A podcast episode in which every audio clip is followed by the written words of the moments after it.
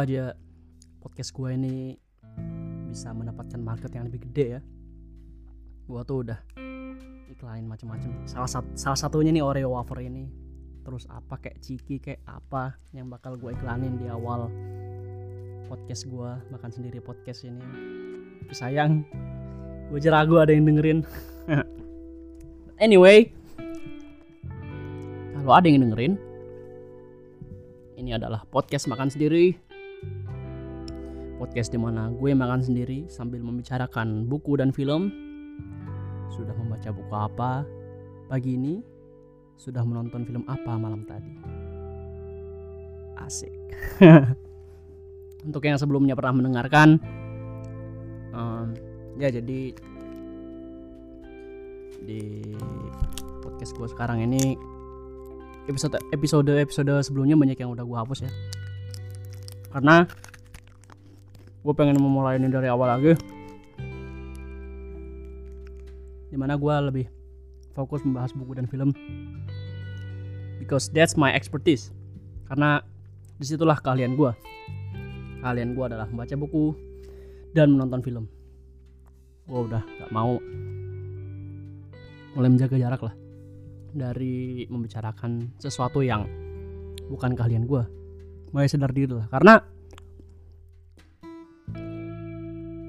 ini juga sekalian bridging ke topik yang mau gue bicarakan ya karena banyak orang yang nggak sadar that they're not capable of what they're talking about and they're still talking about it dan mereka masih membicarakan itu mereka masih banyak orang yang membicarakan hal-hal yang mereka bukan ekspertisnya, bukan keahliannya. Dan lebih menjadi masalah lagi karena banyak yang dengerin. And that's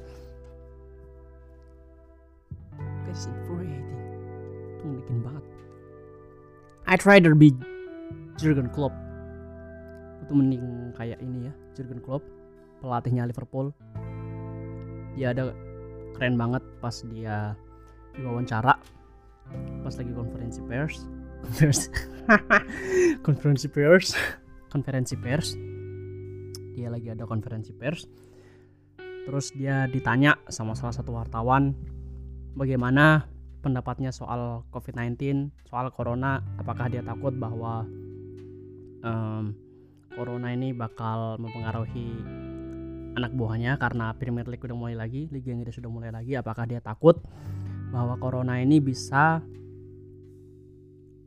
menginfeksi anak buahnya, para pemain Liverpool. Terus dia marah-marah, dia ngomong, ah, ini gue langsung translasiin aja, gue langsung ngomongin versi bahasa Indonesia-nya. Dia bilang, ini nih gue benci kayak gini nih. Hal penting kayak gini hal-hal serius kayak gini. Tapi opini pelatih sepak bola kayak gue tuh penting. Udahlah kata dia. Udahlah. Gue tuh gue tuh sama posisinya sama kalian. Gue sama-sama nggak tahu.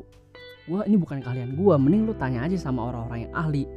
Kita main bola kita ngikutin protokol yang udah ditunjukkan sama yang ahli kita disuruh lakuin ini kita disuruh ngelakuin itu dan everything will be safe, everything will be okay, semua akan baik-baik aja kalau kami mengikuti protokol ini.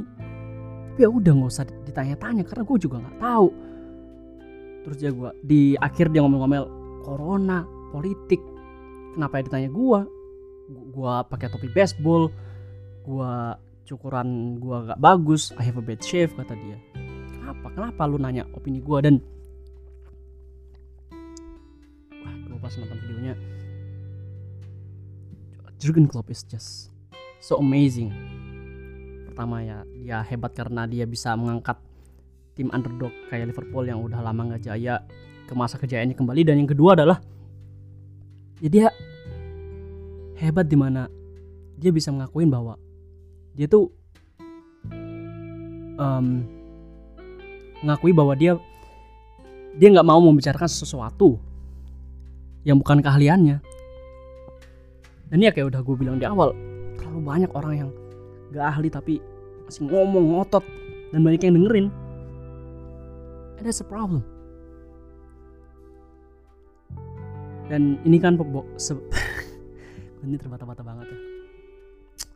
Dan ini kan podcast yang membaca eh membaca lagi. Ini kan podcast yang membahas film dan buku ya jadi gua pengen nyambungin ini ke buku juga so the book is 1984 buku yang akan gua sambungin ke topik ini adalah 1984 um, buku yang dikarang oleh George Orwell seorang sosialis Inggris di mana dia menulis menulis buku ini di tahun 1940 1949 dia menuliskan ini sebagai distopia. Ketakutan dia akan bagaimana otoriternya negara komunis di masa depan. Jadi dia menulis itu di tahun 1949 dengan anggapan bahwa atau ketakutan bahwa tahun 1984 judul buku ini dunia itu bakal kayak gitu. Dan dunia yang ditampilkan adalah di mana negara itu saking otoriternya mereka bisa menyembunyikan kebenaran. Dan salah satu yang istilah terkenal dari buku ini adalah 2 tambah 2 sama dengan 5 2 plus 2 is 5 bahwa negara saking otoriternya mereka bisa menyembunyikan kebenaran bahwa 20 eh 20 bahwa 2 tambah 2 sama dengan 4 dan kebenaran yang dan kebenaran yang mereka tampilkan adalah 2 tambah 2 sama dengan 5 2 tambah 2 sama dengan 5 menjadi kebenaran baru. Dan 2 tambah 2 sama dengan 4 menjadi ya udah fakta kebenaran yang terlupakan aja yang disembunyikan oleh negara. Dan orang-orang yang dengan yang orang-orang yang berani menentang negara orang-orang yang berani menunjukkan fakta bahwa 2 tambah 2 sama dengan 4 ya mereka bakal dihabisin. Mereka bakal ya hilang. Dan ini juga menjadi ini ya sesuatu yang diadaptasikan juga ke sebuah film pendek. Di dielaborasikan lah ibaratnya. Oleh seorang ini ya sutradara film Iran Babak Anfari. Judulnya Two and Two lu cari aja di YouTube kalau lo mau ngerti maksud gua.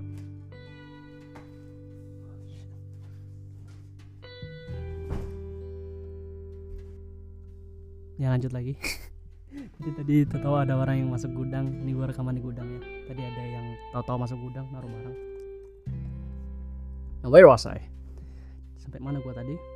Ya jadi kalau misalnya lo mau ngerti soal ini ya 2 tambah 2 sama dengan 5 yang gua maksud dan mungkin lo nggak ada waktu atau terlalu malas untuk membaca 1984 1984 ya George Orwell coba lo tonton aja nih 2 and 2 film pendek bisa lo cari di YouTube film ini juga pernah masuk nominasi BAFTA Guru ya untuk film pendek terbaik. Nah anyway terlepas dari itu gua gua harap juga um, penjelasan gua soal oto otoritas. Penjelasan gua soal 2 tambah 2 sama dengan 5 ini cukup cukup menjelaskan lah bahwa bagaimana sempat ada ketakutan akan otoriternya sebuah negara yang bisa menyembunyikan fakta bahwa sampai sampai sampai bisa menyembunyikan fakta bahwa 2 tambah 2 itu sebenarnya sama dengan 4 dan yang mereka tampilkan kebenaran yang mereka tampilkan adalah 2 tambah 2 sama dengan 5 2 tambah 2 sama dengan 4 menjadi kebenaran yang terlupakan, disembunyikan dan siapa pun yang berani mengatakan bahwa 2 tambah 2 sama dengan 4 mereka harus berhadapan sama negara. Mereka bakal dibunuh atau hilang atau ya apa pun itu. Nah, menarik adalah 1984 ini masih sampai sekarang masih jadi buku yang dibaca banyak orang, masih jadi rujukan But I personally think it isn't as relevant as it was anymore. Menurut gue ini nggak serelevan saat buku ini ditulis karena kita udah hidup di masa yang benar-benar berbeda. Itu menurut gue.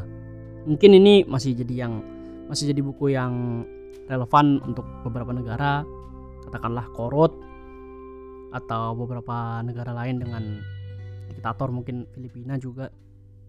Tapi untuk banyak negara secara keseluruhan khususnya negara-negara demokrasi menurut gue 1984 itu bukan rujukan yang tepat untuk membahas masalah yang ada. Menurut gue ada ya istilah yang gue tuh cukup butuh waktu lama untuk mencernanya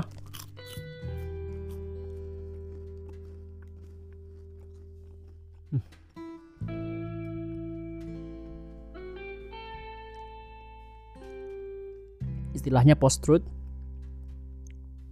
post itu istilahnya itu kayak setelah ya kayak post islamisme post modernisme ini post truth setelah. Bukan setelah sih tepatnya bukan setelah tapi kurang lebih begitulah. Kalau pre pre itu sebelum post post itu setelah. Hmm. jadi ya ada istilahnya post truth istilah yang banyak digemurkan banyak orang saat ini tapi gue gue butuh waktu yang cukup lama untuk mencerna post truth itu apa karena banyak juga yang uh, membawa-bawa istilah ini tapi juga nggak mengerti kolasikannya dengan pemahaman yang tepat. Nah, tadi kan gue udah bilang bahwa ada sebuah ketakutan bahwa negara itu bisa menemukan bentuk otoriternya sampai-sampai kebenaran yang diketahui itu 2 tambah 2 sama dengan 5 2 tambah 2 sama dengan 4 itu menjadi terlupakan. Nah the era that we're living in zaman yang kita hidup sekarang ini menemukan bentuk yang lebih mengerikan lagi. Di mana kita hidup di era post-truth. Di mana kita hidup di era bahwa kita tahu 2 tambah 2 itu sama dengan 4 dan faktanya itu ada di lab itu fakta yang bisa kita akses dengan mudah. Itu sesuatu yang kita pelajarin itu sesuatu yang um, mau kita bicarakan juga kita nggak akan mendapatkan masalah. Tapi yang jadi masalah adalah um, sementara kita tahu 2 tambah 2 sama dengan 4 tapi di saat yang sama ada yang bilang 2 tambah oh enggak 2 tambah 2 itu bukan sama dengan 4 2 tambah 2 itu sama dengan 5 terus ada lagi yang bilang oh enggak 2 tambah 2 itu sama dengan 6 dan seterusnya dan seterusnya. Dan ini menjadi masalah ini menurut gue menjadi masalah dari freedom of speech. Yang menjadi masalah dari kebebasan berbicara adalah ya semua orang bisa bicara. Semua orang bisa bicara. Dan ya lu tahu 2 tambah 2 itu sama dengan 4 lu belajar soal itu tapi tahu-tahu pas lu udah gede pemerintah lu ngomong 2 tambah 2 sama dengan 5 dan lu masih tahu bahwa 2 tambah 2 sama, sama dengan 4 lu nggak mendapatkan masalah bahwa ketika lu membicarakan 2 tambah 2 sama dengan 4 terus ada lagi influencer ngomong bahwa oh enggak 2 tambah 2 itu sama dengan 6 dan semuanya ada di situ. Semuanya bisa lo temukan informasi bahwa 2 tambah 2 sama dengan 4 2 tambah 2 sama dengan 5 2 tambah 2 sama dengan 6 but that's the most confusing thing. Bahwa justru itu yang, yang lebih membingungkan justru itu yang lebih mengerikan bahwa enggak ini faktanya ada. Faktanya nggak disembunyikan lu nggak mendapatkan masalah ketika lu ngomong 2 tambah 2 sama dengan 4 the problem is you don't even know what is truth anymore. Dapat gak sih yang mau gue sampaikan? Bahwa yang ditakutin dari George Orwell itu kan ketika dia nulis 1984 adalah 2 tambah 2 sama dengan 4 itu menjadi fakta yang disembunyikan kan? Nah sekarang masalahnya adalah lu tahu lu punya akses untuk mengetahui bahwa 2 tambah 2 sama dengan 4 tapi yang menjadi masalah adalah ya fakta yang ditunjukkan bukan cuma itu bahwa di saat yang sama lu ngomong 2 tambah 2 sama dengan 4 ada orang-orang lain yang mengatakan hal-hal lain. While it is something that you have studied sementara itu sesuatu yang lo udah pelajarin sesuatu yang udah lo tahu sesuatu yang udah lo anggap sebagai common sense bahwa 2 tambah 2 sama dengan 4 atau pemerintah lo ngomong enggak 2 tambah 2 sama dengan 5 terus ada influencer di Instagram ngomong enggak 2 tambah 2 sama dengan 6 dan ini kalau mau gua sambungin ke situasi sekarang ya. Corona aja deh misalnya. Corona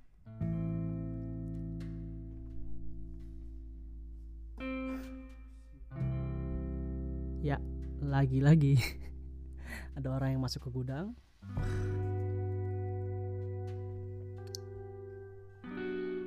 Gua sampai mana lagi tadi?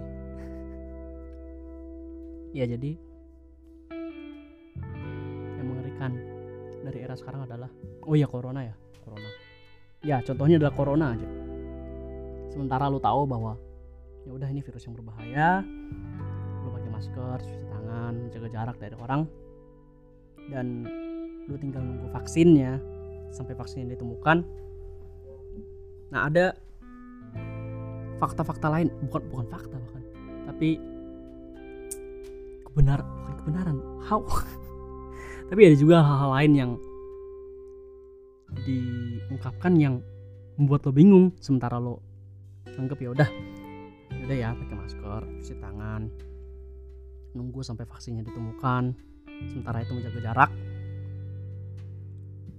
Tapi pemerintah lu ngomong hal-hal yang konyol kayak wah ya udah kita nggak usah nunggu vaksin lagi kita udah punya udah nemu nih kalung sakti anti corona.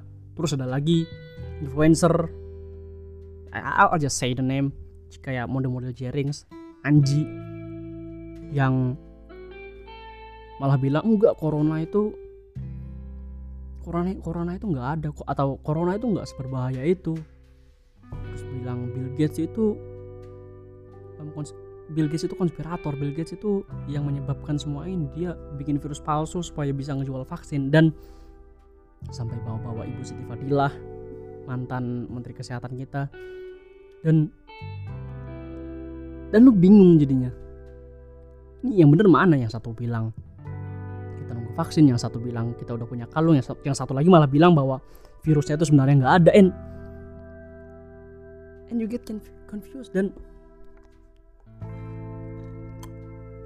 mungkin bukan sesuatu yang menjadi masalah buat orang yang emang udah tahu orang-orang yang punya keahlian di bidang kedokteran tapi kan nggak semua orang punya keahlian di situ dan kita jadinya nggak tahu yang bisa dipercaya itu siapa. Gue bahkan sempat sempat benar-benar mengira bahwa jangan-jangan emang iya ya jangan-jangan ini konspirasinya Bill Gates aja gitu biar dia bisa jualan vaksin. Gue sempat berpi- berpikiran ke arah situ karena ya ibu Siti Fadilah mau bagaimanapun juga mantan menteri kesehatan kita yang udah mengatasi flu burung. Terus juga ada dosen HI Unpad ya dosen hubungan internasional Unpad Unpad atau UNER gue lupa. Pokoknya namanya Dina Y Sulaiman ya salah satu dosen hubungan internasional yang juga membawa-bawa teori konspirasi ini bahwa ya corona adalah konspirasi Bill Gates supaya dia bisa jual vaksin. Dan dan itu ngeri dan this is the era that we're living in. Post truth post truth adalah era di mana enggak kebenarannya itu ada kebenaran bahwa 2 tambah 2 sama dengan 4 itu ada. Tapi lu udah nggak tahu bahwa itu bener apa enggak lagi tuh udah nggak- lu udah nggak bisa ngebedain. Karena kebenaran-kebenaran yang ada itu kebenaran-kebenaran yang ditawarkan itu udah terlalu banyak dan nggak semua orang punya keahlian untuk memilah-milah kebenaran itu. Kebenarannya bukan bukan kebenarannya nggak disembunyikan. Tapi lu udah nggak tahu apakah itu benar atau enggak dan itu yang paling mengerikan. Dan itulah era yang kita hidup sekarang post truth kalau kata Dan Colby dia ngutip dari Brave New World ya udah kebenaran itu cuma ada di lautan sampah. Itu mengerikan men. Gue gue gue bahkan nggak tahu ini jadinya masalahnya kayak gimana is still chance bahwa ini memang konspirasi. Bahwa ini memang em, ya akal-akalannya Bill Gates saja. Supaya dia bisa ngejual vaksin ya who knows. Walaupun gue gak mempercayai hal itu. Sebenarnya kalau mau ngomong konspirasi sih menurut gue yang menjadi masalah soal konspirasi adalah terlalu memudahkan lu kalau misalnya lihat argumen-argumennya Anji argumen-argumennya Jerings itu tuh ke mana-mana nggak ada pakemnya gitu nggak jelas argumennya tuh arahnya ke mana. Jerings sedang ngomong bahwa wah masker itu konspirasi supaya kita berkomunikasi udah nggak melihat ekspresi satu ekspresi satu sama lain lagi dan lain-lain dan sebagainya. Dan ya itu terlalu mudah kan menurut gue argumen itu harus ada bukan ada bukan harus ada teori sih tapi harus ada pakemnya. Lo yang mau lu sampaikan tuh apa? Orang-orang yang membawa-bawa teori konspirasi ini nggak ada nggak jelas nggak punya apa ya nggak punya pegangan untuk mengeluarkan argumennya. Sama aja kayak Anji juga yang waktu itu sempat rame soal yang dia protes soal foto jenazah corona. Dia bilang wah kok ada orang bisa foto jenazah ini ya padahal keluarga aja nggak boleh ditemuin. Keluarga aja nggak boleh nemuin jenazah anggota keluarga mereka sendiri. Dan terus orang akhirnya ya rame-rame yang bully dia. Bukan bully sih emang dia emang pantas dibully. Orang-orang rame mengoreksi dia bahwa ya lu nggak tahu apa di perang aja ada foto ada fotografernya orang-orang di Palestina perang-perang di Timur Tengah perang di Palestina tuh ada foto-fotonya lu nggak tahu apa. Bahwa ya jurnalis itu emang mempunyai hak untuk mengakses bukan mengakses untuk melakukan hal-hal tersebut supaya bisa memberi, memberikan informasi kepada masyarakat dan kode etiknya juga ada gitu. Dan ya. Yang jadi masalah sih mereka ini banyak denger Anji Jerings banyak pendengarnya bahkan sampai ada sorry ada demonya juga waktu itu Jerings di Bali. Demo nggak mau swab test nggak mau rapid test. Dan yang menjadi masalah selain mereka adalah ya otoritas lu juga otoritas kita juga nggak bisa memberikan fakta yang benar gitu malah. Ngeluarin duit buat kalung corona lah apalah. Dan ya lu bingung aja gitu. Maksud gue kalau misalnya mungkin post truth ini suatu yang less a problem kalau otoritas kalau otoritas kita bener gitu. Kayak oke semua orang punya kebebasan bicara orang bisa ngomong 2 tambah 2 sama dengan 6 2 tambah 2 sama dengan 5 atau apalah. Tapi seenggaknya otoritas kita kita tuh jelas enggak 2 tambah 2 itu sama dengan 4 yang menjadi masalah adalah otoritas kita tuh sama bigonya gitu. Kayak gue bilang di tadi sementara kita tahu dan percaya bahwa 2 tambah 2 sama dengan 4 otoritas kita ngomong 2 tambah 2 sama dengan 5 terus ada influencer ngomong enggak 2 tambah 2 sama dengan 6 2 tambah 2 sama 7 and what is truth? Kebenaran itu apa? Kebenaran itu apa saudara-saudara? Kebenaran sudah hilang. This is the era that we're living in. The era where truth doesn't matter anymore. Era di mana kebenaran udah nggak penting lagi karena lu udah nggak tahu apa itu kebenaran. Man this is so infuriating. This is so confusing gua harap lu semua sehat-sehat aja. Jaga jarak pakai masker cuci tangan banyak-banyak berdoa. Karena kita nggak tahu di tahun 2021 ini ada apa lagi. Dan era yang kita hidup sekarang ini post truth itu udah membuat masalah menjadi lebih buruk. Maksud gue ya masalah yang kita punya corona tapi akibat yang dihasilkan dari corona itu jauh lebih buruk dari itu dengan adanya post truth ini. Ya udah ya udahlah ya. Kalau gue terusin nanti gue malah duma-duma lagi. Gue harap apa yang gue sampaikan jelas. Gue sebenarnya pengen gue bukan nggak bisa ngomong lancar ya. Gue kalau lu nonton webinar gue di PPI kemarin I can talk smoothly but I I rather I rather to keep it raw. Gue pengen membuat podcast ini seru mungkin se setulus mungkin. Dalam artian ya gue pengen ini kayak gue ngobrol sama lu aja kayak kita lagi makan siang gitu terus gue ngedumel-dumel dengan gaya ngobrol gue dengan gaya bicara gue di kehidupannya sebenarnya. Gue gue bisa mungkin smiley smiley voice. Ngomong dengan yang lancar banget. I just wouldn't enjoy it. Gue pengen menikmati ini aja. Gue pengen ya seintim mungkin lah. Seolah-olah gue lagi ngobrol sama lu gue ngedumel-dumel dan I hope bahwa gua lu bahwa lu mengerti apa yang gue bicarakan. Gue harap bahwa dengan cara bicara gue yang dumel-dumel ini gue tetap mengartikulasikan apa yang gue pengen omongan omongan lagi omongkan atau apa yang pengen gue sampaikan apa yang gue pengen bicarakan dengan baik dengan tetap bisa dimengerti. Oke. Ya udah. Ya. Mari kita berharap bahwa semua ini segera berakhir. Dan dadah. Sampai jumpa di episode podcast makan sendiri berikutnya